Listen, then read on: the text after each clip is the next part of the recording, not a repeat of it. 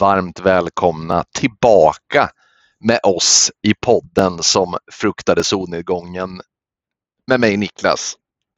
Och mig Kristoffer. Välkomna tillbaka till ett nytt år med podden som fruktade solnedgången, podden som pratar film i allmänhet och skräckfilm i synnerhet. Och det är trevligt eh, att få sitta här igen och ja, fira in det nya året med en ny liten sån här guldrulle. Hur mår du, Kristoffer? Mycket bra, Niklas. Jag mår mycket bra. Jag är, jag är frisk. Det, det är ju barnen är iväg, man får jobba. Det är som att vara ledig, lite grann. Mm, mm. Eh, Hur mår du? Nej, men jag mår också alla tiders faktiskt. Och jag, jag ska säga att jag har jag har, det känns som att vi, det känns som att det är ett tag sedan vi pratades vid och därför så känns det också som att man har lite så här bubblande känsla av att det finns mycket oväsentligheter man behöver få ur sig. Ja, det gör det. Det gör det alltid. Det är, ofta blir avsnitten alldeles eh, för långa på grund av just den biten. Mm. Eller ibland alldeles för korta på grund av att man inte har något sånt här bubblande i sig. Nej, nej men precis. Och, och, idag har vi faktiskt lite att och avhandla känns det som. Men jag skulle vilja börja med så här, på sedvanligt maner här nu bara innan vi ger oss iväg. Har du sett någonting bra som du vill dela med dig av till mig och lyssnarna? Mm. Så man har ju sett, eh, det blir ju alltid att man ser liknande filmer varje jul och nyår tycker jag. Det finns vissa som hör till, liksom man ser Karl-Bertil Jonsson. Det, och det, det vore ju tråkigt att dra upp den i den här filmen, för vem har inte sett Karl-Bertil Jonsson? Då är det ju något fel på en om man inte ser den varje jul. Men mm. det jag har sett som jag tycker ändå sticker ut. Jag la ut det på Instagram för några dagar sedan. Jag har ju hamnat i det här träsket nu igen med 80-talsfilmer. Jag, jag är ju en sucker för dem där, det vet du. Och eh, ja, det blev den här Ghost Riders från 1987, Night of the Comet 1984, Alligator 1980 och senast igår Shopping Mall från 1986 jag skulle säga att eh, alla de här filmerna kan du ju se med, som, som jag ofta säger tror jag till och med. Du kan nog svepa sex öl och se de här och ändå uppskatta dem. Och det är väldigt härliga filmer. Mm. Det finns ju, det är ju trots allt så att det skulle säkert inte alla skriva under. Jag har många vänner som liksom ser det som ett misslyckande att man ser en, en citat dålig film. Men det tycker inte jag. Jag tycker tvärtom att ibland behöver man det här dåliga liksom, som kan få en att varva ner och som kanske inte behöver liksom få din hjärna att jobba allt för mycket om det är mycket annat i tillvaron vill säga. Så att jag har full förståelse för, för din kärlek till de här och jag delar den också. Mm. Men, och det är också så här att eh, det finns ju grader av dåligt. Alltså dålig film kan ju vara något som kanske inte är alltså Oscarsbra, liksom bara att det inte är det är inte en mästerlig film som man tänker så gud vad genomtänkt det där var. Eller vilken häftig effekt det här var. Utan det kanske bara är ja, men popcorn-underhållande för stunden. Och det, det kan ju räcka gott. Alltså det, det kanske inte kommer sig ihåg på något annat sätt. Men det är, jag skulle inte säga att det är en dålig film ändå. Det finns ju dåliga filmer som i den här Dum Dummare 2 till exempel. Det är ju en dålig film som mm. inte har någonting och den är påkostad. Men de här är ändå så här, ja men de har någonting som ändå är, ja, som ändå är kul. Jo, jo, men såklart. Jag och en kompis har, vi har alltid haft ett, liksom ett så begrepp till varandra när vi skulle se film tillsammans. Så sa vi alltid så här, ah, vi tar något dåligt va? Och då menar vi ju inte att vi vill bli icke underhållna och lida, utan vi menar ju att det är någonting som, som kanske är som shopping mall då. Eh, alltså det, i, egentlig kvalitet kanske inte finns där, men det finns någonting mycket kittlande ändå såklart. Mm. Ja, men så är det Så är det. Vad har du eh, bränt av för något då? Ja, alltså om vi tar någonting som är i, nu ska vi försöka prata annan film i just det här segmentet såklart. Jag vill ändå lyfta, jag vet att vi inte har samma syn där. Jag har ju börjat titta på de här Hunger Games med mina barn. Mm. Och eh, Hunger Games, eh, första filmen och andra filmen har vi sett. Första filmen såg jag på bio faktiskt när det begav sig. Hur fan det nu är möjligt, men eftersom jag då inte hade barn när den släpptes. Det var jag så med min sambo. Och alltså jag minns ju ingenting uppenbarligen från den filmen. Och hade du frågat mig liksom innan jag såg om de här filmerna vad jag tyckte så hade det nog varit en ganska så här, likgiltig inställning med tanke på att jag inte minns någonting. Men nu när jag såg om det så tyckte jag första filmen var Eh, väldigt bra, otroligt bra faktiskt. Och en så här schysst eh, presentation av det här fascistoida samhället som, eh, som eh, baseras på då att man håller befolkningen kuvad vid de här hungerspelen. Medan andra filmen vart lite mer så här en, vad, vad jag kände som en, en transportsträcka mot någonting som känns betydligt mer förutsägbart faktiskt. Så, så de två har jag sett. Eh, och så har jag sett Gremlins, för det är alltid en jultradition att se den, lika bra som alltid. Och jag har sett Ensam hemma, både ett och två, för det är också en jultradition. Och Ensam hemma är alltid en favorit för mig. Eh, första filmen otrolig, andra filmen också väldigt bra, fast lite en repetition såklart av första filmen. Ja, roligt. Jag skickade ju till dig häromdagen där, där eh, just gällande ensam hemma. Jag hittade ju någon sån här fransk film och det här är säkert uppenbart för många lyssnare så att eh, eh kanske öppna dörrarna. Men eh, det finns ju en fransk film i alla fall som kom ett år innan Ensam hemma. Nu har jag inte namnet här i, i mig, men eh, den handlar väl om ungefär samma sak där. Heter den, alltså en den pojke. Hem Alain? Le Halum. Alain. ja, nej, det var någon pojke där som är hemma med sin morfar eller liknande och så kommer någon bandit utklädd till tomten, som jag förstod det, på, med den minimala franska jag kan. Nej, men mm. den, den lät härlig och den skulle vara lite mörkare så här. Och jag tänker att det där ska vi köra som julfilm till nästa år. Nu är det lång tid fram här. Så om den här podden överlever ytterligare ett år så kör vi den. Men det ska vi väl göra? Den, det gör den väl för guds skull. Franska filmer är alltid välkomna också. Ja, verkligen. Absolut. Ja, men eh, det låter som en bra idé. Mycket bra idé. Eh, men du, Kristoffer, nu är det så här va. Förra avsnittet så pratade vi om filmen Piranha 3D. Om ni inte har hört det avsnittet så kan ni lyssna på det om ni är nyfikna på vad podden som fruktades undergången tycker om pirajor, urtidspirajor som äter eh, Hooper. Vi eh, kom då överens om att vi skulle ha en liten så här topp, för vi gillar ju listor i den här podden. Som vi gör. Vi kom överens om att vi skulle ha en topp fem djurskräckisar, för det har vi inte haft någon gång. Och då Julskräckisar. Julskräckisar, ja precis. Eh, jag har helt missförstått det här. Liksom. just det. Ja. Eh, nej, djur alltså. D-J-U-R, skräckisar. Och de, de är ju, alltså det finns väldigt många djurskräckisar där ute. Det finns väldigt många dåliga djurskräckisar där ute, men det finns också väldigt många bra djurskräckisar där ute. Och den som alltid är en självutnämnd etta på de listorna, det är ju Steven Spielbergs Hajen från 1975. Men Alltid. Ja, och det, det känns liksom så här, vad, vad ska vi, vad, vad, vad, kan vi säga om den filmen som inte redan har sagts? Det känns lite, liksom, lite onödigt att, att, att dra upp den igen. Så därför så exkluderar vi Spielbergs Hajen. För jag antar att den skulle vara etta på både din och min lista. Så för att göra det hela lite roligare så, så skiter vi den. Ja, men det gör vi. Den hoppar vi helt. Ska vi göra en sån här i sedvanlig, eh, vadå, att vi kör eh, plats nummer fem mm. där? Och sen eh, jobbar vi oss mm. neråt. Och eh, jag lämnar med varm hand över till dig då som får presentera din nummer fem då. De fem bästa djurskräckfilmerna, Hajen exkluderad. Mm, det ska jag göra.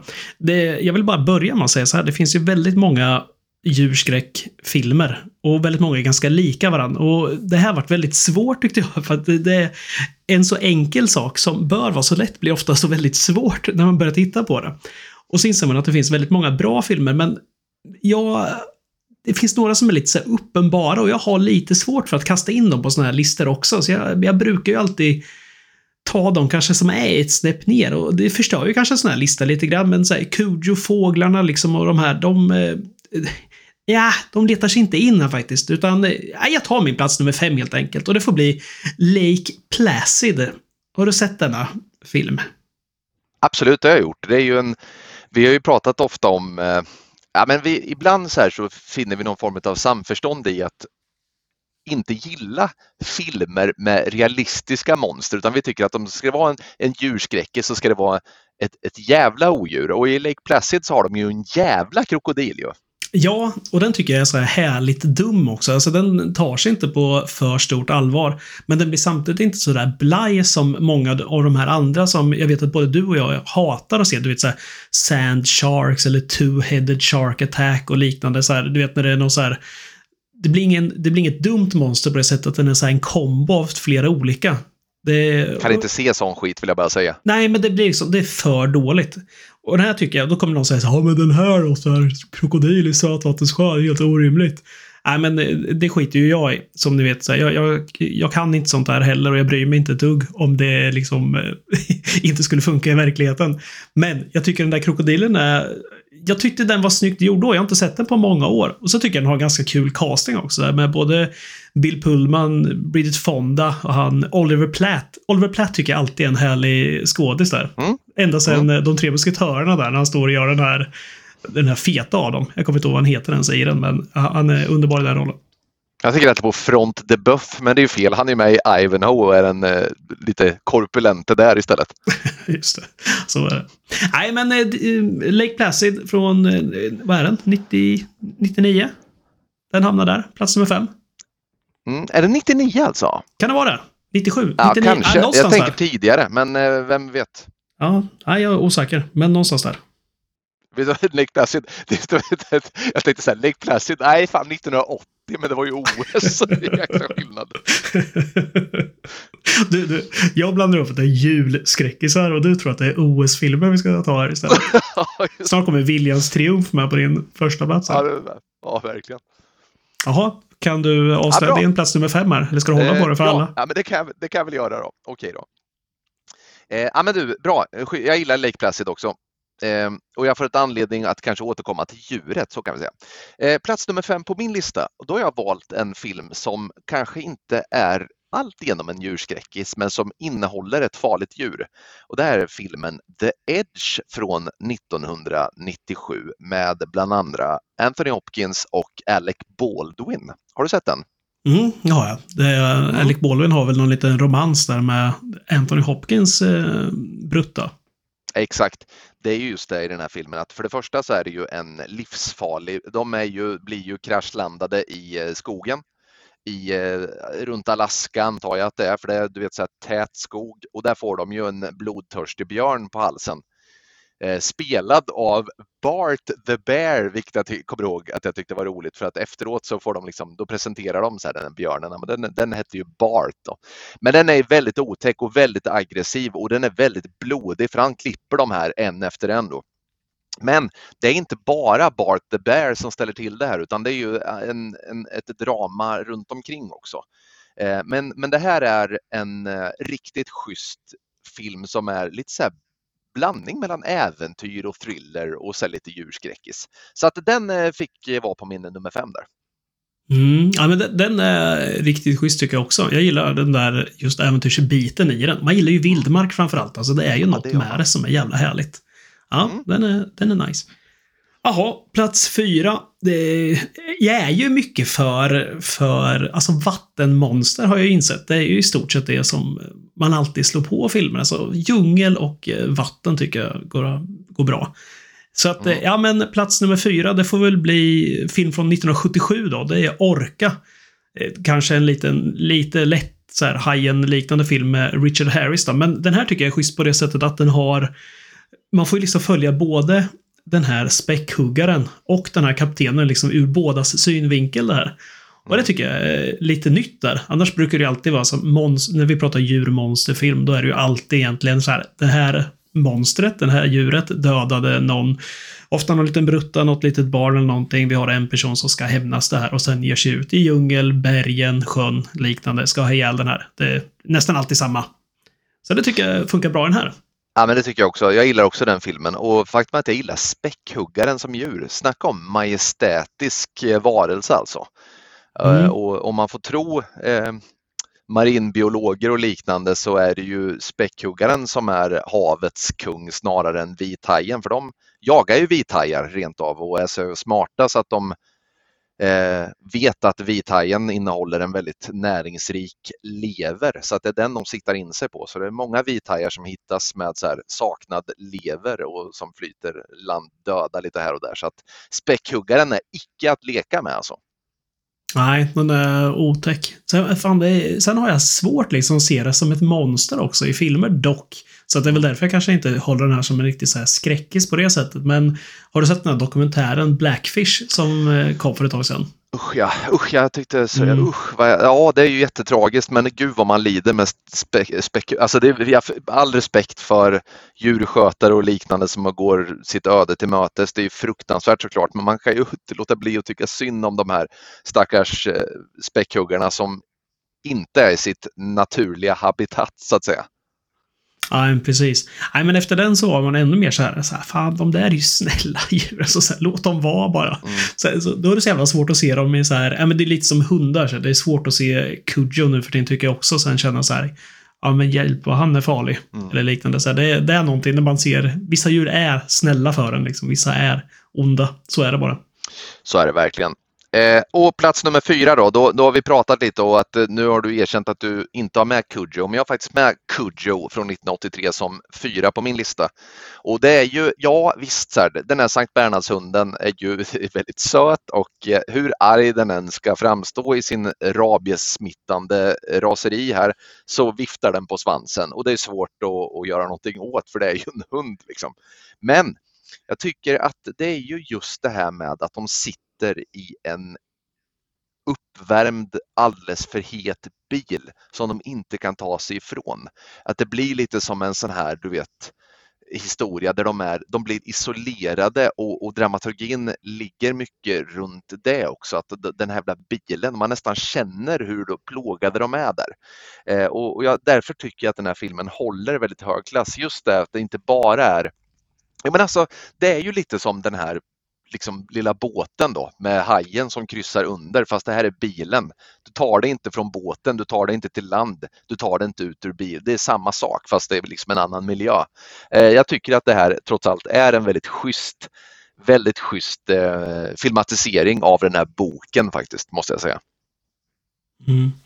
Jag tycker hela det du säger, liksom med isolering eller isolation, alltså det är ju kanske A och O i djurskräck. För att de kommer nästan, det är nästan alltid samma så här, oavsett om vi tar Cujo, Hajen, vi tar, jag vet inte vad vi ska ta med, så här, Razorback för den delen också. Det finns alltid i de här filmerna någon person som är väldigt i en utsatt miljö, liksom, där han liksom, det finns inget ställe att ta sig till. Och det där är ju underhållande, alltså. Det kommer alltid sådana såna miljöer. Ja. Där de hamnar i en bil. Det gör de ju i den här Beast också. Mm. Vill jag minnas. Ja, ja, verkligen, absolut. Och att det finns någonting, oavsett om det är någon som har, inte vet jag, som, det kan ju vara olika saker. Ja, men tidvattnet kommer, du måste agera snart. Ja, men du kommer dö av värmeslag i bilen. Du måste ha din, inte vet jag, ditt ins- insulin för du är diabetiker. Någonting som gör att de måste ut liksom. Det är bra. Det är ju det som är dramaturgin. Mm, ja, verkligen. Verkligen. Då har vi eh, plats nummer tre, va? Eh, ja, Och då ska vi se vad vi hittar då. Jo, men du, då hittar vi faktiskt en så här lite... Ja, men så här lite guilt pleasure får man nästan kalla det här. För att det, jag vet att det här inte är en bra film i sig. Men det är ju inte vad listan handlar om, utan det handlar ju om ens fa- personliga favoriter. Och det här är en sån underhållande film. Jag vet att effekterna är dåliga, jag vet att det inte funkar så här, men Anaconda från 1997. Gud vad jag blir underhållen varje gång jag ser den här filmen. Den är så dum, men den är ändå härlig. Och den har djungel och den har John Voight och den har Owen Wilson. Och den, är, ja, den har Jennifer Lopez Häck också. Och den är otroligt underhållande den här filmen. Eh, nu ska jag nu ska ni få något att hata mig för, alla eh, cineaster där ute. När jag satt här med min topp 5 så jag kan ju avslöja att Anaconda är inte med på min. Men vet du, det var med som en bubblare före till exempel Fåglarna av Hitchcock. för att, för att det är, jag, jag vet att Fåglarna är en bättre film, det är inte det, men det här är subjektiva listor. Det är det vi ägnar oss åt här. Eh, Anaconda tycker jag också är, och, och, och, och den kom ju också samma år här som eh, The Edge som jag har med på min lista. Det är ju en ålder också där man var väldigt mottaglig för de här filmerna. Man- Så att de, de lever kvar som kärlekar här. Ja men verkligen. Nej men den, den har någonting och sen är det så här, det är jävligt härligt när de är på den här husbåten där och sen typ trålar efter eh, den här ormen där med någon så här litet apkadaver som de bara kastar ut. Det är ju någonting, alltså så här, mete funkar väldigt bra på film efter stora djur. Det funkar i Hajen och det funkar i Anaconda också. Mm. Ja, mycket bra. Och John Voight är ju, han är ju jäkligt obaglig där också. Han är ju också ett hot i hotet så att säga. Mm, verkligen. Sen har den lite så här glimten i ögat hela tiden också. Det är någon gång där, eh, har, på tal om glimten, det var no pun intended, men den stryper ju ut honom någon gång. Så att hans öga mer eller mindre, han gör så här en liten blinkning ja. innan han krossas. Precis, han, han, han, är väl rent av uppäten också va? Ormen spottar ut honom med ja. Otroligt ful ja, grej. Nej, men den är underhållande. Den är, det händer mycket i den där rullen uppföljarna mindre bra dock. Så här, mig bör du inte be om ursäkt för att du har Anaconda på en sån här lista. Det är snarare tvärtom. Eh, mm. Plats nummer tre på min lista då. Och det här är en riktig så här gammal barndomsfavorit för mig. En av de första djurskräckisarna jag såg och som skrämde slag på mig. Eh, jag köpte den ganska nyligen på eh, Blu-ray-utgåva och jag har den numera och så om den för inte jättelänge sedan. Och den håller än idag och det är, ja, den originaltiteln är då Arachnophobia och filmen, eh, en titel som jag föredrar då, som jag alltid har kallat den vid, Imse Vimse Spindel från 1990. Om Jeff Daniels som flyttar in i ett hus som onekligen får problem med eh, spindlar. Mm. Det, jag passar på att säga det redan nu, för det är nämligen min film nummer två på min lista. Så det, det, det, är kul att den mm. hamnar här. Det var en given att den skulle in här också, men jag håller den också högt. Och den där såg jag när man var så här typ 10 bast eller mm. liknande. Då var den väldigt otäck. Kommer ju någon eh, remake nu i detta år tror jag till och med. Om jag inte minns fel. Ja. Får vi se vad, vad det blir. Man har inga större förhoppningar men eh, lik förbannat kommer man ju se den då. Garanterat. Jag ser den gärna på bio om det är så. Men jag, återigen så tar jag också friheten i så fall eftersom jag kommer stödja filmen. Rent ekonomiskt så måste jag också bara på ett så här ja, men vet jag, någon, någon form av så här filmälskarplan ändå såga att de gör en remake för att effekterna håller väldigt bra och det fina med den här filmen det är att man har ju den här jävla asspindeln då som de hämtar hem från djungeln som då parar sig med en mer så att säga eh, amerikansk eller art av spindel. Eh, och då får vi mängder av de här små livsfarliga spindlarna. Men i slutet så har vi den här jättespindeln kvar som liksom vrålar och, eh, och så här, går till våldsam attack och lika stor som en så här radiostyrd bil. Liksom. Och det gillar jag. Jag gillar kombinationen mm. av att det är många små giftiga och det är aset mamma spindel på slutet. Liksom. Ja, men härlig. Sen gillar man ju John Goodman i den filmen också. Han är för jävla bra. Han, han är bra. Han skulle fan passa och jobba på Anticimex på riktigt. Alltså, jag, jag köper honom i rollen när han går och fottrampar all din mm. ohyra. Ja, bra. Det är, ja, är det något mer där som ja, du hade den som nummer två? Där. Är det någonting du vill tillägga där då på, på den? Nej, det, det är det inte. Du sa det bra där tycker jag. Eh, då är det jag igen då. Då hoppas jag att jag inte... Då, då, gör vi så här. Om jag nu tajmar in en film som du har kanske högst upp på din lista eller någonting så tar du över så får du prata lite om filmen istället. Så plats nummer två på min lista det är en film som heter Rogue från 2007. Det är kul. Det var min nummer ett nämligen. Take it away. Nej, men vi, vi kan prata gemensamt om den. Jag, ty jag tycker ju det här är... Alltså den, den står sig så jäkla bra mot eh, andra djurskräckisar. För den här har ett enormt jävla... Eh, vad är det för något? Det är en... Är det en ja, alligator? Är det en krokodil? Ja, jag tror va? att det är en krokodil. De är väl större och den här är ju stor. Ja, och sen har den en riktigt bra casting den här också. Den har ju så här, Sam Worthington i en av sina så här, första, lite större roller. Alltså, eller stor och stor, ganska liten. Men den här Michael Vartan också som var med i Dark Angel bland annat med Jessica Alba. Mm. Och den här, ja men den är så grisig och det är väl, vem är det? Asha va? Som gjorde den här va? Eh, nej, det är ju inte alls nej. det va? Det är ju, det, vad fan heter han? Doug, Doug McLean heter han. Så heter han, tror Så jag. Han kanske, Som ja. gjorde de här Wolf Creek också. Just det. Asha gjorde ju eh, Crawl. Det är därför Just jag blandade ihop dem. Nej, men jag tycker den är härlig. Och där, här snackar vi också såna här isolerade platser. Det är något slags så här rotsystem där som hon kryper in på. Kommer du ihåg? Ja. Det är något så här stort, stort träd som har... Slutet. Ja, ja mm. precis. Nej, men den här, den är bara härlig. Den har allt. Alltså jag älskar när man åker över en, eh, över ett vattendrag, alltså en liten flod eller liknande. Det blir ju väldigt litet. Alltså ett hav, då kan ju hajen attackera var som helst i stort sett. Mm. Man vet aldrig var den är. Men när det är ett sånt här litet ställe som i Anaconda, som i eh, Rogue, det finns liksom inte allt för mycket yta där den kan vara. Och ändå blir man ju alltid lika förvånad när den dyker upp. Mm. det, nej, det är lyckat. Nej, men, och sen att den också följer det här som är så framgångsrikt i eh, djurskräckisar, att du exponerar inte hotet förrän i det absoluta slutet. Du får egentligen inte se krokodilen förrän i slutet helt enkelt. Och då blir det en så här mästerligt enorm jäkla effekt av det också. Och sen att det är så jäkla mycket sådana här små, du vet, du vet andbrytande tillfällen som när de ska vada över det där vattnet och man vet inte hur ska det gå, så här, en efter en går de. Ja, den är så jävla dramaturgiskt bra uppbyggd den här filmen och så är det ju, krokodiler är ju, är ju eh, jävligt skrämmande varelser just eftersom de kan ta dig både på land och i vatten också. Ja, verkligen. Sen att de är, de är ju lömska jävlar de där. Det ser man ju på dem hela tiden. Mm. Jag satt faktiskt och kollade på så här.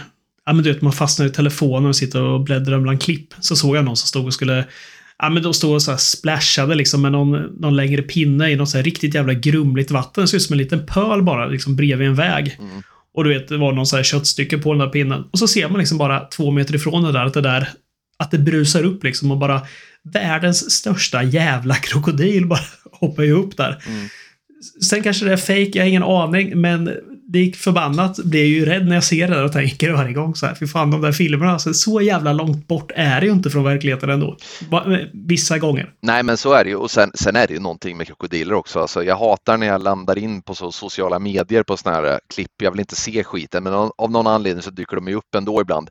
Man ser någon så här jättelik buffel som verkligen ser ut att väga ett par ton som står vid ett vattendrag och dricker vatten så hoppar det upp en krokodil och drar ner den som ingenting och man inser hur jävla starka och farliga de är de här krokodilerna.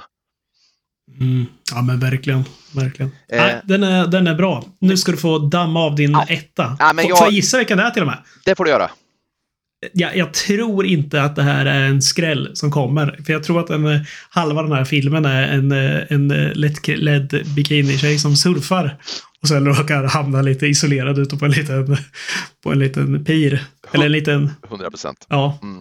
ja, Ja, men det- Shallows då. Ja, men det är The Shallows från 2016 och, och jag var tvungen att ta den för att dels som en liten hymn mot den djurskräckgenre som jag älskar mest och som säkert du älskar mest också och det är eh, hajgenren då. Och den eh, hajfilm som enligt mig är den näst bästa hajfilmen som har gjorts efter eh, Steven Spielbergs Hajen. Och då skulle många kanske säga så här, det är orättvist att jämföra dem, det tycker jag också. Men jag tycker att den här filmen har just det här vi har pratat om, just den här isoleringen, hon är fast på den här piren, tidvattnet kommer. Och sen den här lilla, du vet, lilla hoppet, den här lilla ljusglimten som också finns i den här Mm. söta fiskmåsen som hon räddar vingen på där. Jag tycker att det, det, det, den har, det är inte bara mayhem och det är inte bara elände. Men hajen, så jäkla hotfull och eh, så jäkla kreativt sätt som de har ihjäl den på i slutet där.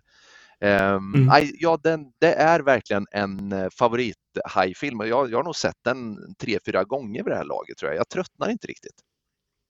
Nej, jag håller med. Jag tycker också den här är skitbra. Jag tog faktiskt inte med den för att jag var ganska säker på att den skulle dyka upp här också. Mm. Eh, det, det borde jag ju insett med de här andra också, men vissa var tvungna att vara med ändå. Mm. Men nej, nej, men den, jag håller också den här svinhögt. Jag tycker den är, riktigt schysst. Och den, den har ett bra tempo också. Den blir liksom aldrig seg heller, tycker jag. Nej. Utan det, man sitter där på spänn hela tiden. Sen är ju, för en gångs skull lyckas de ju väldigt bra med den här hajen också. Mm. Den är ju, ser ju bra ut, Ja, framförallt tycker det också att den är väldigt, nu är jag dålig på sånt där, men jag antar att den är eh, CGI. Men är den det så har de gjort det på rätt sätt för det, det är inget som stör, vilket det ofta gör. Ja, men det är ju det vi pratar om ofta. Ska du göra en datanimerad haj, få den att, inte att sticka ut på ett konstigt sätt. Liksom. Gör, den, gör den så naturlig du kan, eller bara så att den liksom går... Kan man säga så här? Så att den rör sig lite smooth och inte bara så här ryckigt, du vet, eller för snabb, Mm. eller att den är för stor, eller för vassa tänder och så vidare. Gör den normal. Mm. Du, du behöver liksom inte anstränga dig. Det är inte det som är det otäcka i de här filmerna. För att vi skiter ju om du har en normalsizad vithaj som kommer. Eller om du har en eh, li- liksom lite, lite mindre. Det spelar ingen roll. De är nog otäcka. Mm. Man behöver inte göra en så här 71 meter stor som ska attackera. Det behövs inte. Nej, så är det ju. Och sen är det ju också att det blir en tydlig skillnad där. Vi har ju pratat om den där hajfilmen som inte är en av de bästa som har gjorts, men den tillhör det övre skiktet. Ja, Alltså, kanske är den bästa av de dåliga hajfilmerna. Det är ju den här Sharkbait, eller Jetski är det ju. Mm. Eh, de åker, ut- för det är väl samma va? Eller är det Great White den hette? Ja, precis. Det, Nej, det är... Du Ja, vet, Sharkbait. Sharkbait och... Precis, för där är det ju, då, då, där är det ju, allt går ju skitbra. Allt är ju kanon med filmen tycker jag, tills de visar hajen när de kommer upp på djupet. Då hade det varit som att så här, ja men du Niklas, vi vet du vem vi har satt som teknisk eh, eh, liksom utförare av hajattacken här? Ja men det är Niklas Lindström som vi har anställt. Då, då hade det blivit så där typ. För att det ser ut som att När någon när de använder din eh, bild från bild, när de använder din bild från bildkunskapen Ja, där i femman i årskurs fem och med en haj du har Det är ritat. som det här är från 1991 när Niklas målade en vit haj och den har vi då klistrat in i vattnet här. Så här blev det. Alltså det är så jävla fult. Medan det här i Shallows verkligen inte det känns som när de här herrarna, spoiler alert nu, ska simma ut och rädda henne och hajen bara kommer upp från ingenstans och klipper en av dem. Det är så jävla snyggt och då menar jag att då gör det inget att det är CGI för att det, känslan av att det händer på riktigt är där och då skiter jag i vilket egentligen. Ja, så, men verkligen. Jag håller helt med dig. Det där var djurskräck i listan, topp 5, hajen exkluderad. Mm. Och eh, jag vet inte, jag tycker inte, jag tycker inte vi missar några st större. Så här. Som sagt, jag skrev ner, men som vi inte har nämnt, då, så här, ja men fåglarna dök inte upp på någon lista där. Crawl dök faktiskt inte heller upp. Deep Blue Sea förtjänar väl ett Ja, omnämnande ja. ändå, tycker jag.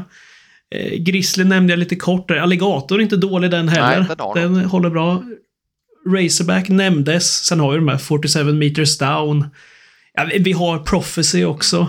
Sen finns det ju så otroligt mycket såna här Bly-filmer. Vi har ganska mycket såna här ormfilmer som rör sig med betydligt mindre, alltså normalsizade ormar. Så här Hallmark-filmer som kom, som man är uppvuxen med. Jag vet att vi, du och jag pratar ofta om en film. Det är någon stad där det har varit mycket sprängningar. Där det släpps lös lite skallerormar. Det verkar finnas en uppsjö sådana filmer för att varje gång det dyker upp så säger vi det är den här. Och sen dyker det upp en till som man säger, nej det är den.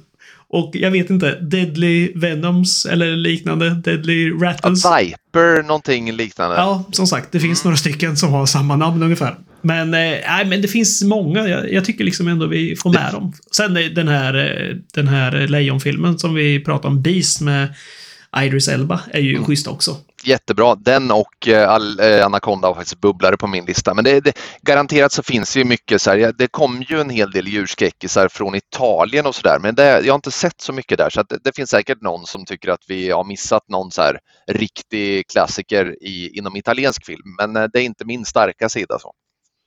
Nej, sen, eh, sen vissa djur som ty jag tycker är riktigt tråkiga. Jag, så här, fåglar har jag ju väldigt svårt att se liksom, att man skulle kunna göra något otäckt med. Men det här måste ju vara vad man är rädd för. Alltså, jag skulle ju aldrig kunna se en film som heter typ Örnen och sen så här, ja, det var läskigt. Skatan känns orätt. Hamstern. Alltså det finns ju vissa som inte funkar liksom.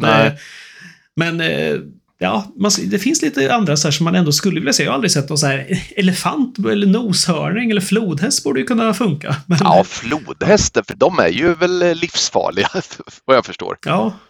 Eller fästingen.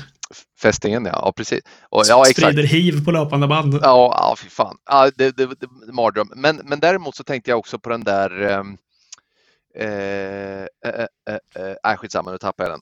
Ja, men du, det var väl det. Jo, förresten, Black Sheep, den här om de galna fåren, men den har faktiskt inte jag sett.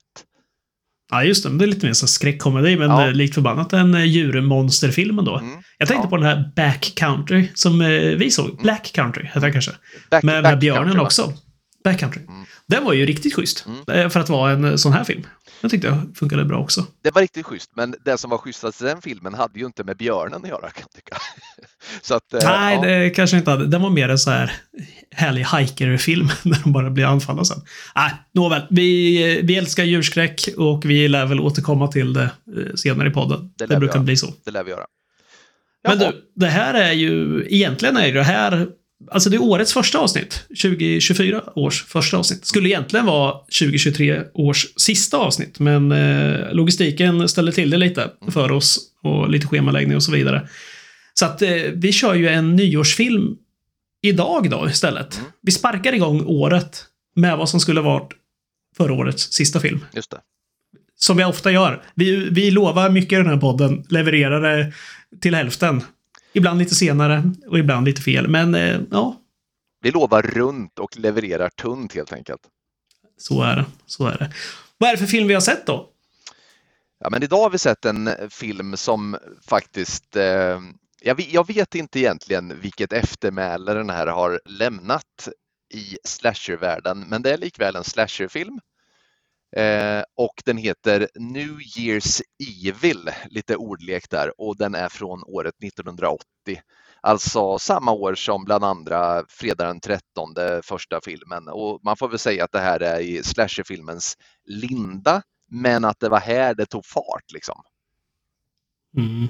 Och här pratar vi, jag skulle nog inte säga att vi pratar A-film här va? Utan vi är väl nere på B eller C. Mm, Slasher.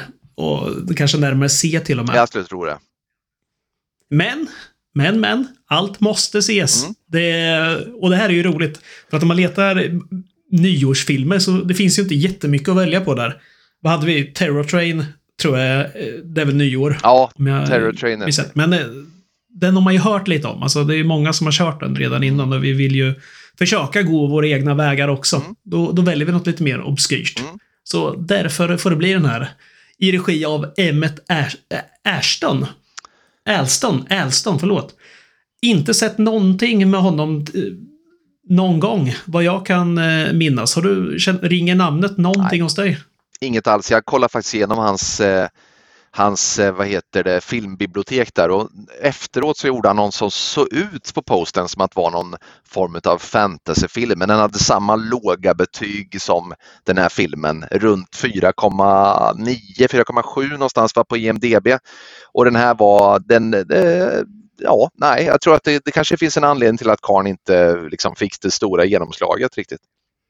Ja, han verkar inte uppskatta sina verk alls. Jag, efter vi hade sett den här filmen, Mm. vi ska ju prata om det givetvis, men så på den version jag såg så fanns det lite så här bakgrundssnack, vad heter det, så här kommentarstitt, du vet, som man kan se Ja, på så här. DVD eller Blu-ray. Ja, precis. Och då satt ju han, vad heter det, och var helt knäpptyst, sa inte ett ord. Så här, alltså han verkar så helt ointresserad, så det här verkar ju ha varit en riktig så här, jahopp, så här, som man bara fått göra liksom för att. Ja, Tråkig grej. Det, det var en annan, en en av de här som, eh, som hade skrivit den istället, som satt och pratade betydligt mer och var mer entusiastisk. mm. Jag orkade givetvis inte se hela det här för, ja, så, så bra är inte den här filmen. Så att jag orkade se den igen. Jag vill bara, jag vill bara, får, jag- får jag, jag vill bara gå in och säga den här karln har gjort en film som heter Tiger Shark, på tal om Ja, jag djurskräckisar. såg det. Ty, tyvärr är det inte djurskräckis, utan det handlar om någon snubbe som eh, ser ut som en sån här 80-tals Rambo, typ. macho actionhjälte. Ja, Mm. precis. Eh, Så att, nej, jag vart också, jag såg nämligen den där med och tänkte att fan vad härligt. Här, härlig plott här. A martial arts uh, instructor sets out to rescue his girlfriend who is being held for ransom by a South American warlord, står det. Någon sån här djungelraffel ser det ut som. Han hade ju också, jag tror att det är den där regissören med som hade gjort två filmer som båda hade namnet Ninja i sig. Det där har vi pratat om också i podden. Att 80-talet, när 90-talet stod på, och klämtade där vid dörren, så var det ju mycket Ninja-filmer som kom ut. Mm. Jag tror han gjort någon sån här Three Ninjas eller något sånt där. Nu har jag inte sidan framför mig, men det verkar vara någon sån här barnfilm med tre grabbar som blir kidnappade och får utava ninja-grejer. Ja, Ja, härligt. härligt i vilket fall. Ninjor och djurskräck kan man se mycket av. Ja, ja, det, det funkar alltid. Ja. Du, vill du ha en liten handling på den här filmen eller? Hemskt gärna, tack. För att det är något som jag gärna bidrar med i den här Mm. podden.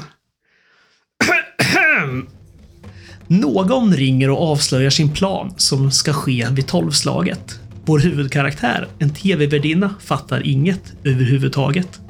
Kvinna efter kvinna lurar han med alkohol, lovar den sex men spetsar den med sitt stål. Vår mördare, en mästare på kamouflage, lurar lätt sina offer med en exotisk mustasch. Polisen står helt handfallna utan några spår. Hur ska de lyckas stoppa detta innan det blir nytt år? Där du. Jag, jag är väldigt duktig med ord. Väldigt duktig med ord, väldigt kul. Ja, men det är bra. det, det, det, den här filmen, skulle du säga att den är väldigt svår? Nej, det skulle jag absolut inte säga att den är, utan eh, tvärtom. ja, det är, ju, det är ju väldigt roligt att försöka få till en, ett intro på sådana här filmer. Mm. Det, det, är nästan halva grejen ibland. Att försöka göra det svårare än vad det är. Ja, ja det är väldigt bra. Väldigt bra. Eh, alltid lika uppskattat med de här fina rimmen. Men du, det är en, en till grej vi ska göra. Vi ska ju också presentera nu varsin låt som vi tycker hör ihop med den här filmen. Det ska vi göra. Skulle vi ta det precis nu i början, ja? Så var det sagt. Det har vi väl bestämt att vi kanske tycker att det är lite bättre. Ja, det ska vi göra. Vill du börja? Jag börjar gärna. Eh, och jag har valt en låt, alltså vad ska man göra med det här? För den här låten innehåller, eller den här låten nu då, den här filmen innehåller en hel del låtar som är, alltså det är ju det, det, är ju det tydliga liksom, new wave eh, liksom. Det är, det är så musik som inte riktigt tar sig själv på allvar. Nu mm. säger jag inte att den här låten jag har valt inte gör det, men på något sätt så tycker jag att den låten de borde ha haft i den här filmen, eh, det är den här.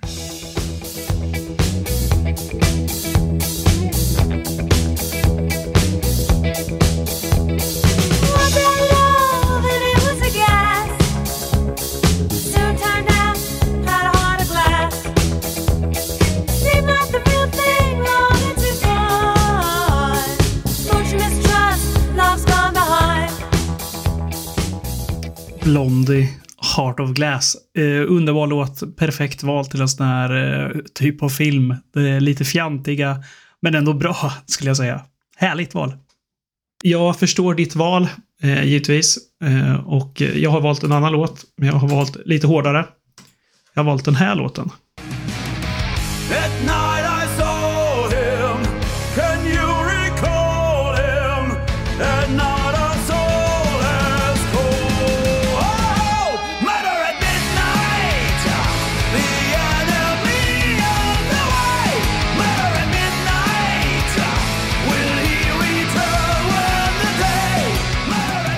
Det var alltså Murder at Midnight med Powerwolf. Det tyska hårdrocksbandet. Powerwolf, ja. ja. Trevligt, trevligt. Ja, men det, det, ja, det passar ju också väldigt mycket bättre kanske med... Nu valde jag att ta någonting som passade New Wave-köret lite bättre.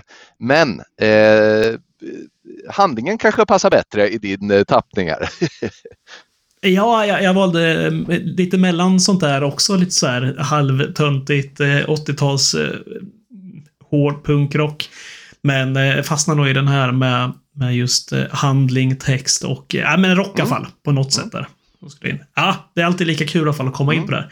Musiken i den här filmen. Jag sa ju till dig att jag tyckte den här var horribel. Mm. Alltså jag tycker ju ledmotivet New Year's Evil av Shadow är en ganska kul låt. Den, den tycker jag ändå funkar.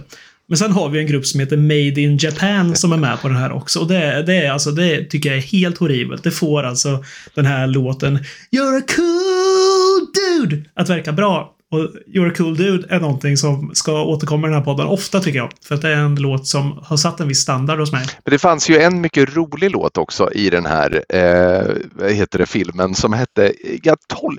Det låter lite som att de sjunger eh, Young Blondes är det Made in Japan som har gjort den tror jag? Blondes till och med. Sjunger de. Eh. Yes, det är Made in Japan. Mycket underhållande låt. Eh, den tyckte jag var lika rolig som Cool Dude. Ja, det var den. Och det är ju för att det är, alltså det är ju uselt. Ja, men alltså grejen är att det passar. Det hade varit konstigt om det var, om det var liksom Blondie i den här. det, blev, det hänger ihop lite med den med egentliga kvaliteten på något sätt där. Ja, men så är det. Det hade ju varit sjukt att få dem, alltså med budgeten, jag tror det är 500 000 dollar tyckte jag med läsa att den här hade. Mm. Jag tror det är svårt att liksom lyckas få med Blonder då, som ändå hade en viss storhetstid här och mm. kunna liksom få med det i, i denna film. Mm, verkligen, verkligen.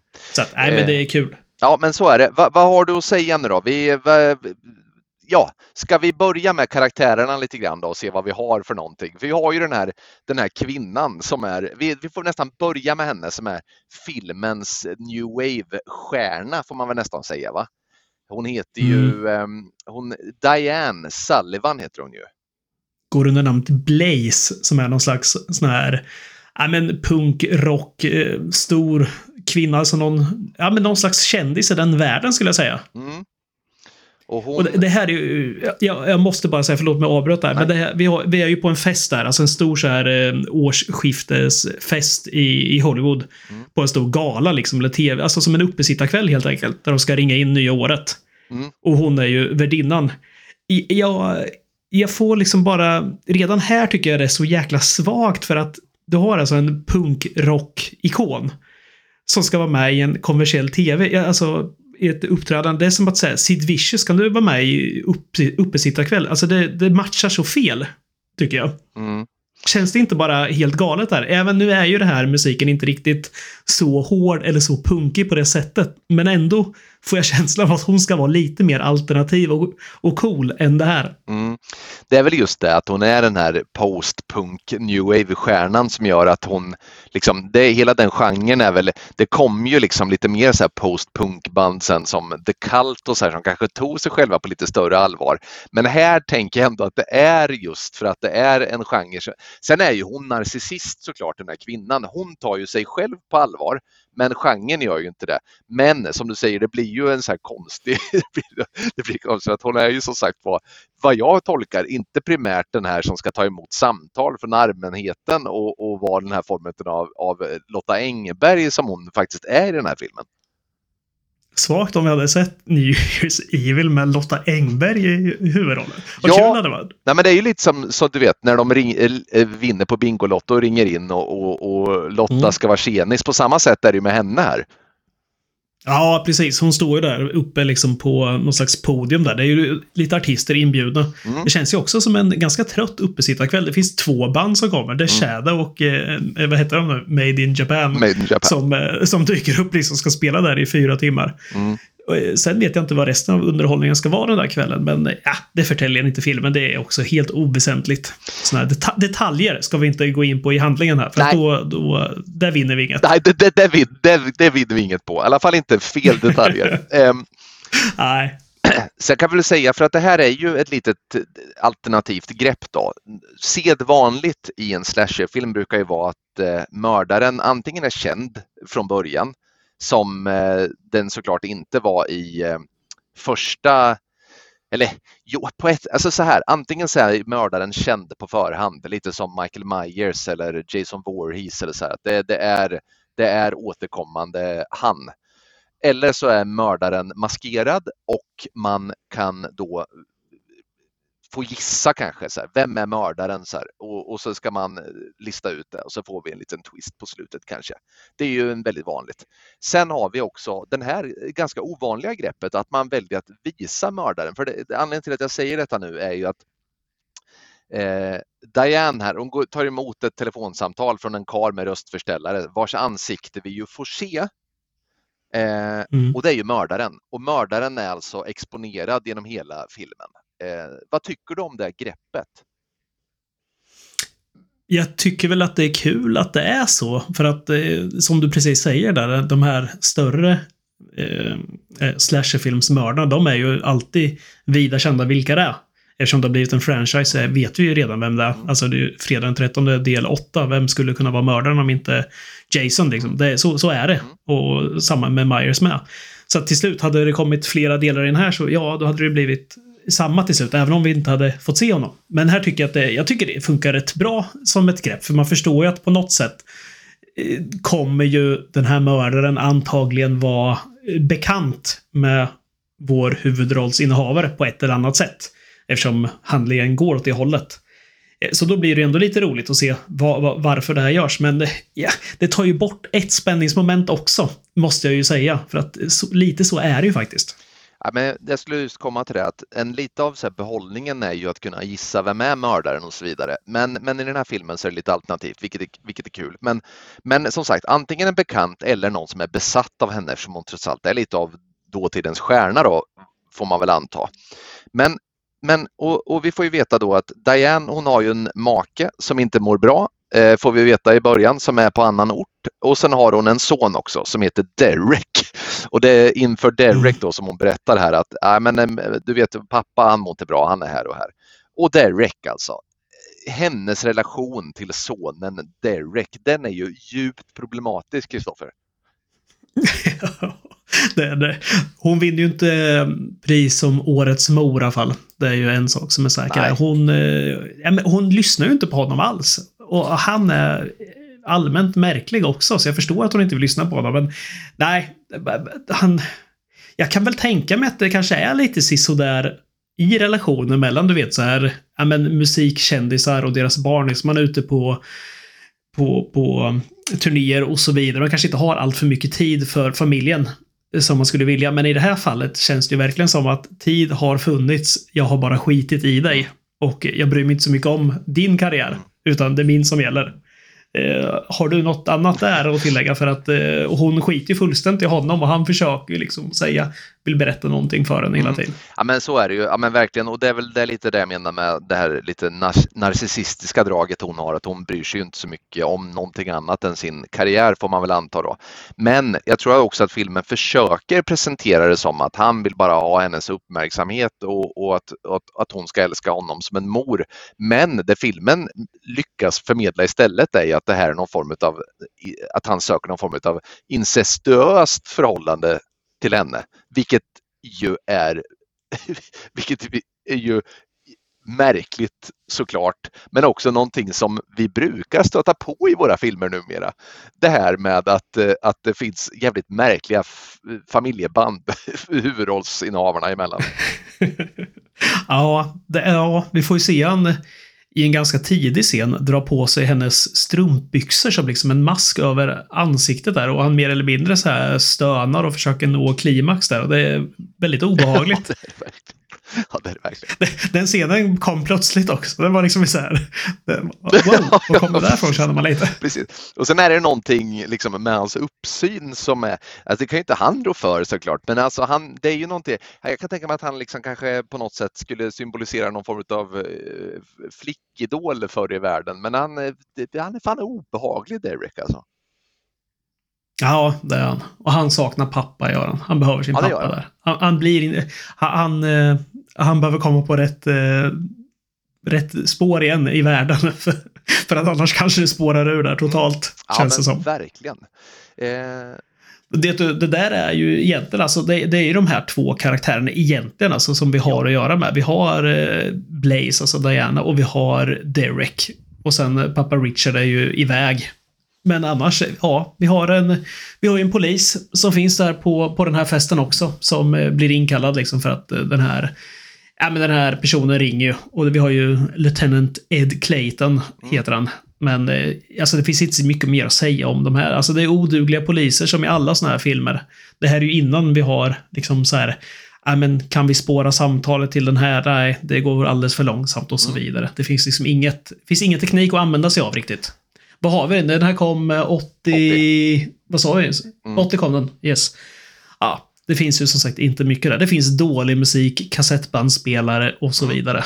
Så att, eh, nej, vi har den här festen. The show must go on. Så är det ju också, för den här festen ska ju pågå till midnatt. Hela grejen är ju att eh, vi rör oss i tre olika tidszoner också. Eh, jag, jag, är dålig på de här tidszonerna, vilken... Är det delstater det är uppdelat i? Är det så det funkar?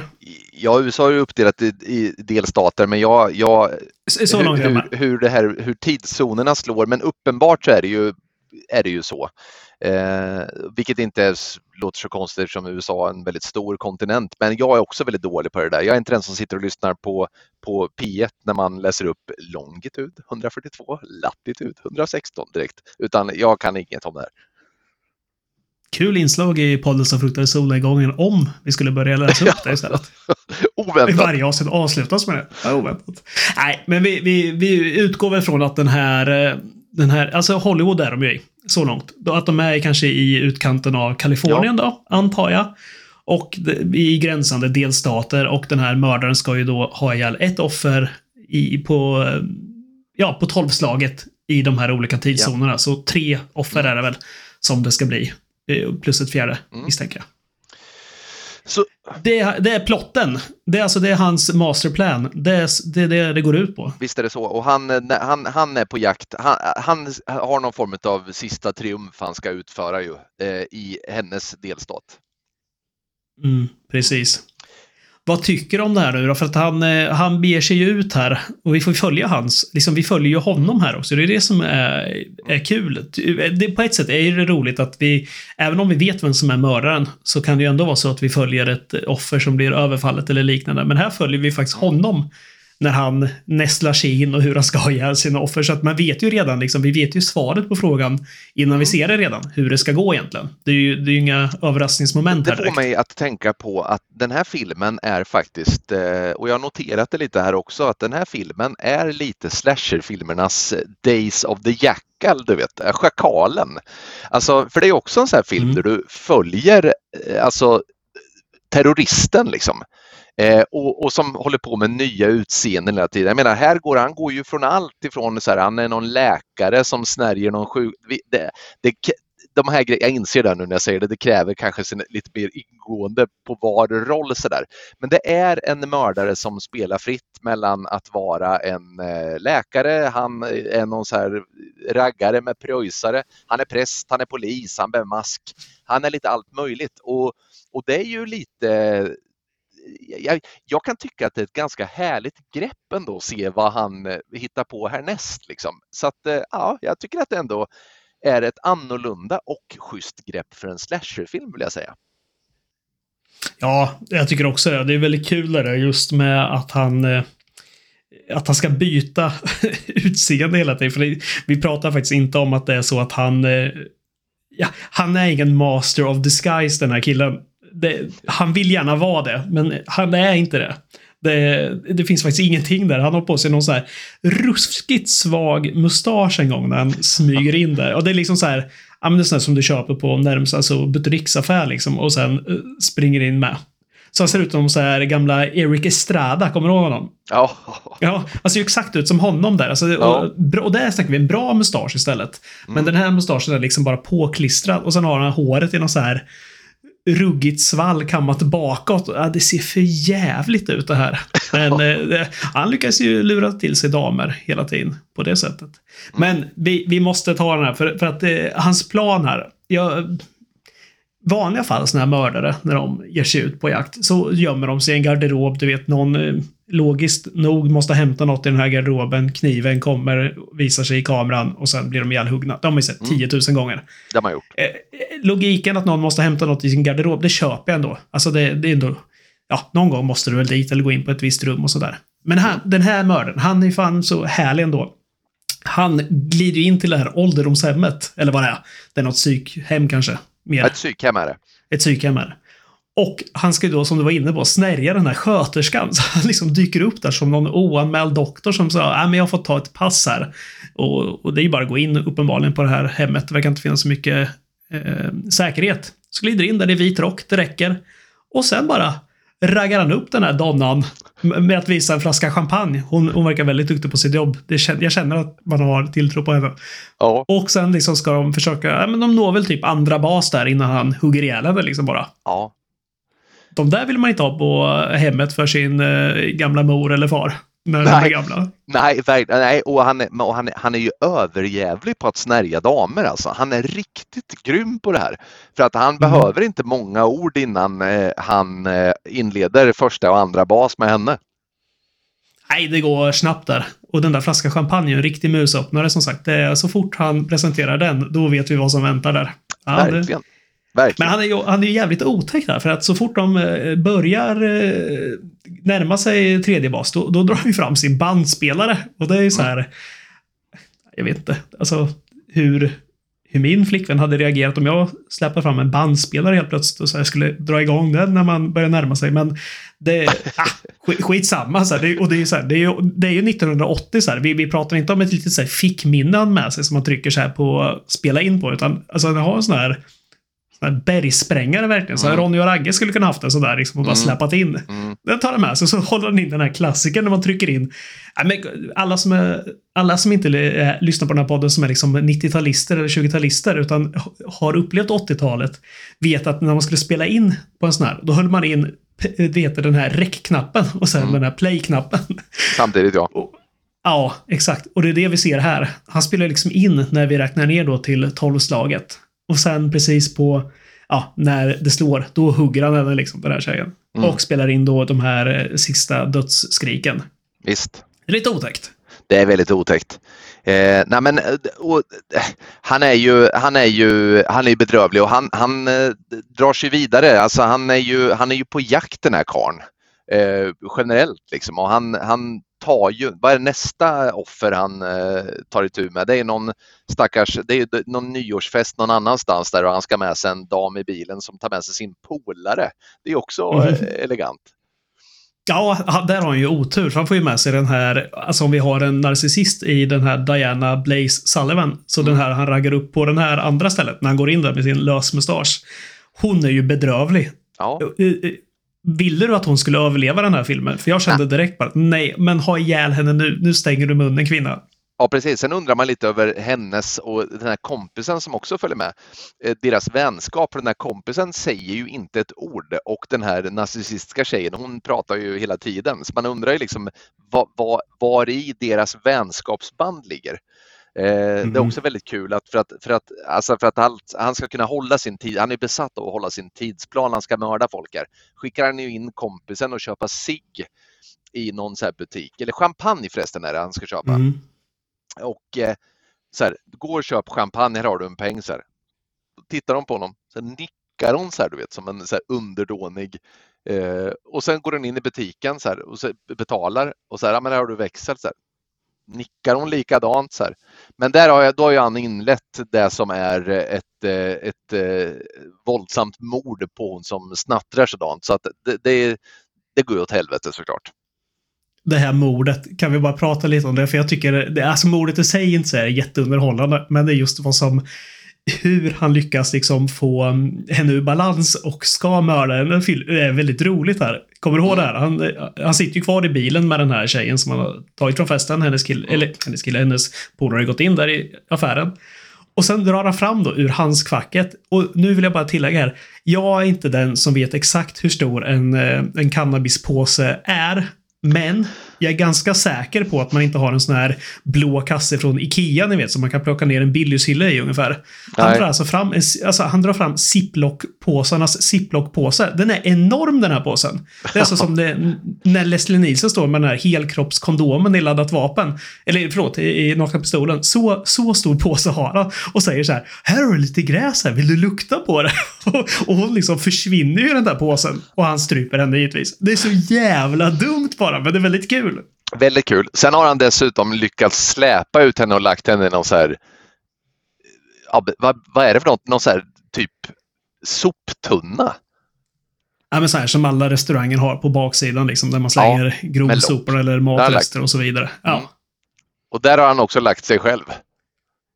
Ja, men det, det är det här man gillar. S- det, eller, eller hatar. Jag kan hata det ibland, men jag kan också uppskatta det. Jag tycker det är kul det här med att man... Så här, jag vet att du kommer leta här. Mm. För att eh, om du... Om, du om din kompis hade försvunnit sådär, när du, när du hade gått in och handlat, Mm. och bilen är borta och allting sen efteråt. Hade du då gått och kollat i den här soptunnan då? Nej, Nu vet jag att han har planterat ut, han har hängt ut en litet, litet tygstycke där. Men jag misstänker att om du och jag hade druckit bärs, 27 000 bärs en kväll, nyår, och sen hade du så här, han fan hade på sig en jeansjacka och hänger, ut ut, hänger ut en liten jeansstump där. Du hade nog aldrig tänkt på den nej, biten, nej, liksom. nej, Men, nej, nej. nej, men hon, hon ser ju direkt här och så, åh nej! Och går dit och han hoppar upp som någon så här gubben i lådan och hugger henne. Ja, visst. Nej, men jag gillar, jag gillar den bara, det för, att uh, han är förutseende. Ja, det är han jag tycker verkligen. om sånt. Det är han verkligen. Ja, men sen vägarna, jag vet inte om vi ska gå in på alla morden, men vägarna leder ju vidare. Alltså, det, det är ju, han jagar sig mot eh, den här eh, Diane i vilket fall som helst. Ja, precis. Och det, alltså det händer, det är ju, grejen är ju att den här filmen, det händer ju inte särskilt mycket mer. Vi följer den här mördaren Mm. hela tiden. Det enda som händer på det här andra stället är att banden, ja, vi fattar att budgeten har lagts lite på att de här banden måste få spela klart sina låtar.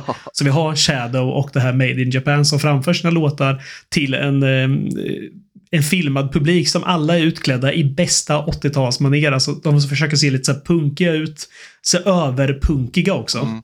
Och, eller, och de står och dansar till musik som inte spelas på riktigt misstänker jag också, för det ser för jävligt ut där. Ja. Eller tycker du det ser äkta ut Nej. att de står och så här, de kör något i låtarna? De, nej, de dansar ju helt i otakt i så fall.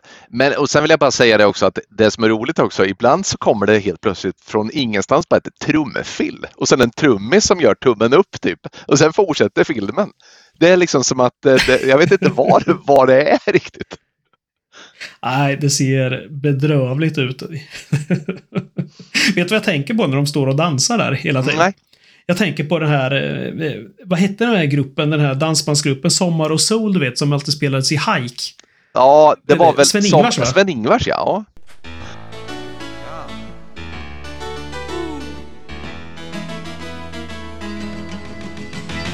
Sommar, sommar och sol Havet och vinden och doft av kaprifol Ja, då stod det alltid några så här killar bakom ett plank där. Någon kille med en så här stor fet keps på sig och solglasögon och stod och gjorde så här typ så här fredstecken med sina fingrar. Mm. Och stod och dansade upp och ner. Alltså det såg väldigt otajt ut Verkligen. eh, mot musiken. Och exakt så ser det ut på den här festen också. Ja, Som, som första podd i världen så jämför jag nu alltså New Year's Evil med Hike och eh, Ja, killen i ja, det hade keps och solglasögon. Nej, det kommer inte hända. Så att, eh, nej, jag hade velat se den kopplingen någon gång. Nej, men det- är skitsamma. Det, är liksom, det händer inget. Poliserna är bara värdelösa. De sitter liksom och försöker komma på vem den här mördaren är och vart han ska slå till härnäst. Vilket lär vara helt omöjligt att veta eftersom man åker mellan de här olika tidszonerna då. Mm. Jag, jag, jag tror inte man får ihop det här rent geografiskt heller, hur lång tid det tar att åka mellan de här. Men eh, vi behöver inte ens ställa oss frågan där tror jag. Nej, precis. Nej, men så här, vägarna, så här, han krockar ju med någon så här, får något MC-gäng efter. Vi kan bara kort gå igenom så här. Sen hamnar han på någon så här, du vet, drive-in bio eh, också och eh, har ihjäl någon kvinna. Han är utklädd till präst och han, ja, han springer runt och ser ut som en rakt över diskklabbe med så här prästkostym också och jagar den här kvinnan med någon ja, jagar henne och har någon tänd- ser lite obehaglig ut faktiskt vid något tillfälle där. Han har Ja. någon tändare och springer efter någon dam där. ja. Ah, han har mycket hyss för sig där. Han har mycket hyss. Vägarna leder i alla fall till Diane och Diane, i det här laget så har man insett att hon är, eh, har ett gigantiskt hot över sig. Och polisen har då bestämt sig för att inte släppa in någon eh, i byggnaden eh, som inte är igenkänd. Och han är på väg in i byggnaden till Diane och för att kunna komma in där eftersom det är stängt för allmänheten för hennes hotbild hon har över sig nu då eftersom hon har en mördare efter sig så bankar han ihjäl en polis, tar på sig polisuniformen och går upp på hennes rum. Och det här är lite kul för att eh, här eh, har, har han på sig ytterligare en kostym alltså. han har på sig en mask här. Framförallt. Verkligen. Och han går fram emot henne och man tänker att nu ska han hugga ihjäl henne. Men vad gör han? Han tar av sig masken och visar sitt yttre. Och där är han. Richard Sullivan. Hennes make som är på annan ort och mår dåligt. Eh, precis, och Richard Sullivan har ju nåtts av det här ryktet om att hon har en mördare efter sig. Skulle du säga att det är schysst mot frugan då? Att även om att nu har han ju ont uppsåt, men är det, är det schysst att skrämma någon med en mask på det där sättet som han gör? Och som hon tycker bara skrattar bort fast hon också är livrädd liksom. Så nu tycker jag du ställer sådana frågor igen som vi inte skulle ställa. Varför, Nej, varför, gör, du, varför gör du alltid så här? Varför ska du alltid dissekera sådana här Jag ber om filmer? ursäkt. Jag ber om ursäkt. Kan det inte bara få vara? Nej, det, det är svagt där. Det är otroligt svagt. Jag, jag får inte riktigt ihop det här heller. Du kanske kan hjälpa mig här. För att filmen tar sin början med att vi ser, det är ju en mörk tjej som blir mördad på det här hotellet också. Mm. Ska det vara precis intill det här? Eller är det något som har skett innan? Är det en annan på väg upp som det här sker? Eller är det för länge sedan det här har skett? Nej, Jag får inte riktigt eftersom ihop den biten. hänger icke ruttnad i hisschaktet så kan det ju omöjligen vara jättelänge sedan. Nej, men jag tänker, är det här gjort liksom innan ändå? Alltså innan han har dött de här andra? Eller är det gjort på vägen upp? Jag, jag får ingen logik här riktigt. Nej, jag, det är ju det första mordet. Nej, det Ja. där, nu, nu pratar vi inte mer om den saken. Nej, skitsamma säger vi. Det, han har väl ihjäl vilka han vill. Han behöver inte förklara sig. Nej, han, Det, vi är inga han snutar, vi ställer inga han frågor. behöver inte förklara tid och rum och hur det funkar för dig, Kristoffer. Nej, verkligen inte. Nej, Så- är det. Det här, det här är alltså gjort på bästa Christopher Nolan-manér. Man rör sig mellan tider, tidszoner, bakåt och framåt i tiden. är Vilka det. är vi att försöka dissekera det här? Ja, Så är det bara. Han står Exakt. där och visar sig vara maken. Hennes älskade make som har varit borta länge och mått dåligt. Man undrar vad han har mått dåligt av. Har han haft lite ont i magen eller vad, vad är det som har hänt tror du? Nej, men han har ju själv legat inlagd på det där psyksjukhuset förr i världen, så man får väl anta att han har lite problem med, eh, med psyket även till vardags då. Jag skulle säga så här att eh, nu, nu vet jag inte hur det funkar sånt här, men om du lever med någon som är uppenbarligen psykiskt störd och lider av någonting där. Någon slags eh, schizofreni får väl utgå från att det är i det här fallet. Så misstänker jag att man inte hade blivit superglad om den personen uppenbarar sig på nyårsafton här. När den Nej. personen har varit borta och vad du vet inlagd på ett sjukhem eller psykhem. Nej, precis. Det, det, ja, man hade börjat ana ugglor i mossen direkt här. Det hade man gjort. Men, men, men, men. Han är ju där och kan ju rädda henne från den här. Men det gör han inte. Icke. Nej, Han, han har, det är ju han, alltså Blaze ska ju bli sista offret. I, eh, i en mycket märklig plan. Mm, precis. Eh, ja, vilket för oss in på, för det här är ju lite så här märkligt för att han tar ju, han eh, fäster ju stackars Blaze här i, i hisschaktet och, och binder fast henne. Hon far upp och ner och, och han mixtrar med elektroniken och har ihjäl någon polis. Det är mycket som händer på kort tid här i filmen. Men någonting så här som skulle kunna vara andemeningen och som fick mig att vackla lite. Är det Blaze som är sista offret eller är det han själv som är sista offret? Ja, ja. Nu ställer du sådana frågor igen. Ja, för att eh, hur eller hur, det här mynnar ut i att han jagas upp i en shootout med polisen så jagas han upp på något så här hustak där han tar på sig masken och, och kommer till sin rätt igen då, och där kastar han sig ut sen och tar sitt liv. Han har väl egentligen aldrig sagt att det är henne han ska döda, däremot att han ska döda någon som står henne nära, säger han. Och Ja. eh, jag tänker att det kanske är han själv som är sista offret. Men här är det ju lite, det, det, det är lite höljt i dunkel alltså. Mm. Ja, men det är det. Det är det. Mm. Eh, Men vi har ju en, eh, en twist till där. Ja, Den sista. Mm. Kan du inte ta den? För att den där, den twisten, den har du inte sett i en endaste film innan. nej, den, eh, det, det, det kan man säga att det, är, eh, det, det har hänt förr. Men det är ju den här, den här hisklige sonen då igen. Eh, Trevor, eller vad heter han? Eh, Derek. Derek. Nära Ja, nog. det, är också så här eh, hånfullt att härskarteknik mot den här filmen och säga fel namn. Derek, han kryper upp där på sin far när han ligger död och eh, kramar honom och eh, fylls av eh, en helig vrede. Ohelig vrede kanske. Tar masken, drar och här ska då lilla mamma skjutsas till akuten eftersom hon har råkat ut för diverse elakheter och han sätter sig i ambulansen och så kör de iväg. Han har masken på.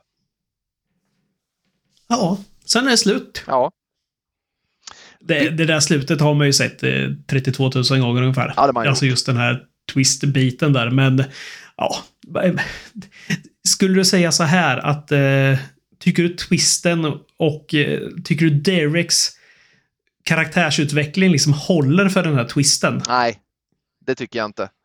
Nej, det- det tycker inte jag heller. Den är alldeles för svag den här. Ja, men så är det Ja, det verkligen. finns ingenting förresten. Det finns inget. Alltså det enda vi har är där han sitter och stönar i en nylonstrumpa. Mm. Och det skulle alltså vara någon slags eh, psykbryt han får där. Mm. Som gör att han ska ta vid ja, där sin far slutar Sin ungefär. far slutar, ja precis.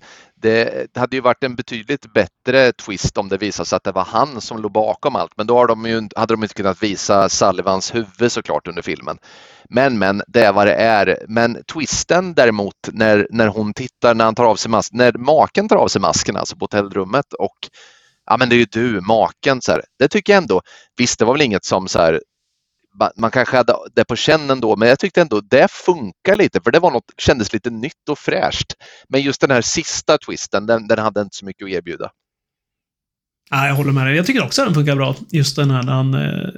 När The Killer reveals himself. Alltså det, det funkade riktigt bra. Men man vill ju alltid ha en sån. Liksom när, man måste ju alltid få höra planer och vem det är. Mm. Det är ju, så är det ju i alla såna här filmer. Och det här funkade bra. Sen som sagt, köper jag inte riktigt där att han eh, ligger på psykhemmet Nej. Och att han ändå tas emot med öppna armar där. Nej, så är det att så, eh, så psyk är han ju ändå inte heller. Han pendlar väldigt mycket kanske man ska säga. Att han är ändå så här så att han kan framföra komplexa meningar och så vidare. Sen helt plötsligt så kommer det någonting som är helt rubbat. Nu är inte jag Det han har ju där uppe. Nej, men, Mm. men, nu är inte jag psykiater, men det känns som att han, alltså att själva definitionen av att vara eh, sinnessjuk måste ju vara att man inte själv kan välja när och hur man är sinnessjuk, utan han, han kan ju med väldig bekvämhet röra sig mellan att vara helt normal till att bli helt psyk. Och det, och det, det gör, bestämmer ju han själv. Och det känns, eh, Mm. det känns liksom som definitionen av att inte vara psyksjuk. Ja, men precis. Och vi har ju hela den här biten när han ringer och är Mr. Evil. Alltså när han ringer till eh, tv-studion Mm. i direktsändning och eh, berättar sin plan. Det är då vi är, då har han ju sitt, nått sitt esse liksom, när han är helt, nej men nu är jag helt skogstokig liksom, nu är jag bara mördare. Sen har vi den här när han är eh, pappa Sullivan istället och är normal. Men sen når han ju en tredje grad också när han står uppe på, på den här byggnaden nu i slutet av, efter den här shootouten, när de fångar honom på högst där uppe. Mm. När han har tagit på sig masken igen. Och där har han ju någon slags så här, jag vet inte vad man ska likna det med, men lite som i Rutger Hauer kanske i, i Blade Runner. När han håller sin lilla monolog där. Du vet, eh, tårar i regnet. I have seen things you people wouldn't believe. Ja. ja men exakt, det är, ju- det är ju en sån scen där uppe fast den är, alltså om, om den är 100 av 100 så är den här scenen kanske så här två av 100 i eh, hur, hur fin den är och eh, hur eh, välskriven den är. För han står där med sin mask. Jag kommer inte ens ihåg vad han säger nu för att det är så jävla dumt bara. Mm. Han säger något så här helt vrickat och sen hoppar han ju därifrån. Ja, Där tycker jag man spiller liksom massor också. Så här, ja, jag fattar, är du helt psyksjuk, ja, då kanske det kommer ut något så här, något dravel bara som inte ens är värt att lyssna på. Men just filmiskt så känns det ju som att där vill du ju ha någonting. Du vill ju ha någonting. Säg något så här, vad var meningen? Vad var, vad var allt då? Ja, om det nu är det att han är själv sista offret, då måste han nog tydliggöra det i sitt tal. Men det gör han inte. Nej, det gör han verkligen inte. Nej. Men, men, som sagt, vi ska inte... Det det är en slasher och den är från 1980 och det är en lågbudgetfilm och den är nere i C-träsket någonstans och ja, trampar. Ja, verkligen. Det är vad det är. verkligen. Men du, ska du se ihop betyget här nu då och ge det? Ja, ja, det ska jag göra. Och... Eh, vad ska jag säga? Nej, men fan, ja, man har sett, nu har jag sett ganska mycket såna här runt denna tidsepok, alltså andra filmer, och som håller betydligt högre klass, tycker jag. Men eh, samtidigt, jag, jag tycker den här filmen ändå har någonting som gör att jag stannar kvar. Jag gillar det här att man följer honom som eh, att vi är i seriemördarens liksom eh, i hans del i livet och han, vi följer honom när han tar sina offer. Det är, ingen som, det är inga så här jump scares i den här filmen som man liksom hoppar till. Ja, kanske när han gömmer sig i den här lilla eh, återvinningstunnan då, eller vad det är. Annars är det inte mycket. Och jag tycker ändå att den är ganska rå stundvis också, vilket jag kan uppskatta i såna här filmer. Jag hatar den där så här ketchup-effekten när någon skär med en kniv. Här är det ganska rått. Och så har vi ganska mycket obehag överlag när han dyker upp, även om det ibland är komiskt obehagligt när han har den där mustaschen till exempel och så vidare. Men, eh, nej, men jag, fan, jag tycker den är tillräckligt underhållande. Jag skulle nog sätta en tvåa, för jag har sett betydligt sämre filmer. Jag ser ju hellre New Year's Evil än jag ser eh, remaken av Fredag den 13 till exempel. Ja, nej men eh, absolut, det har, så är det ju. Jag, jag är väl inne på lite så här, jag, det finns egentligen två sidor, jag är lite ambivalent här. För det första så tycker jag att eh, det- filmen är ju lite så här, jag vet inte, den lämnar en liten sån här beska av att vara problematisk tycker jag den här filmen. För det känns som en så här, ja men när han håller sitt lilla tal för eh, frugan om varför han hatar henne så här, du har kastrerat mig, du har baktalat mig med dina vänner, ba ba ba. Och kvinnorna i den här filmen eh, beter sig ju i stor utsträckning som, ja men dels så går de vidare till bas 2 från ingenstans och de flesta är så här försvarslösa våp som springer runt. Det känns som lite någon så här incelsfilm på ett sätt. Eh, och det är ju inget särskilt, det kanske man kan skratta åt som någon form av lyteskomik då möjligtvis. Men så finns den här andra sidan där jag tycker att filmen, det, det jag känner att jag hade mer behållning av den här filmen än, en, både faktiskt Silent Night, Deadly Night och Berserker om vi nu pratar om de här B-slasher-filmerna. Det finns någonting här. Jag stämmer väl lite på samma som du säger där. Jag gillar att eh, liksom, när mördaren revealas för henne på slutet så blir hon trygg för det är maken. Det har någonting. Det har någonting att det är lite sådär slasherfilmens eh, Schakalen som, som vi får följa. Det har någonting att liksom just det här med att han liksom jagar sig närmare slutoffret då, oavsett om det är han själv eller om det är henne.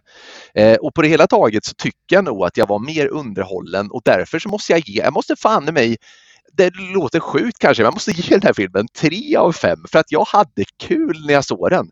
Jag, eh, jag, jag, vet inte, jag, jag bara tyckte att eh, när jag satt och såg den här filmen så var jag underhållen och, och då någonstans så, så måste det mynna ut i en trea. Så enkelt är det.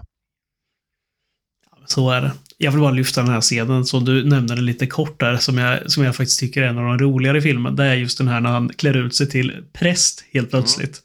Mm. Det, det, jag, jag, älskar det här att man bara har, du vet, så här, man har kostymer med sig lite som Ica i rutan helt plötsligt. Liksom bara, men nu ska jag vara präst, jag har den här lösmustaschen och så vidare. Alltså det är så, det är så mm. B liksom på alla sätt och vis.